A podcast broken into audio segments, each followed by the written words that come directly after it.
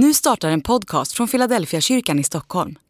Om du vill komma i kontakt med oss, skriv gärna ett mejl till hejfiladelfiakyrkan.se.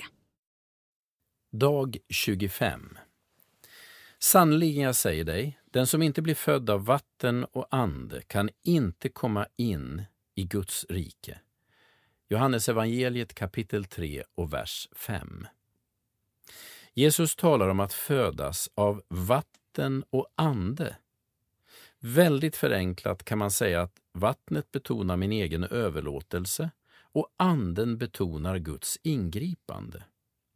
Man kan också säga att vattnet handlar om ett yttre tecken och anden handlar om en inre verklighet. Att födas av vatten syftar på dopet. Det kristna dopet är ett dop till omvändelse, en handling där jag uttrycker min egen vilja att följa Jesus. Det är mitt tecken på att jag vill följa Jesus. Dopet är också Guds tecken på att han känner igen mig i Jesus. Det är en identifikation som handlar om både min egen önskan och om Guds sanktion. Vattnet är både mitt och Guds tecken. Att födas av Ande betonar Guds initiativ i våra liv. Det är inget vi själva kan besluta oss för, utan bara något vi kan överlåta oss till. Det finns flera ord i Nya testamentet som beskriver Jesus som den som döper i helig ande. Själva beskrivningen betonar Jesu initiativ och ordet döpa betonar att det är något som omsluter hela personligheten på alla sidor. Ganska förenklat kan man säga att beskrivningen att födas av vatten och ande betonar två sidor i en människas väg till Jesus. Dels det egna beslutet, dels Guds ingripande.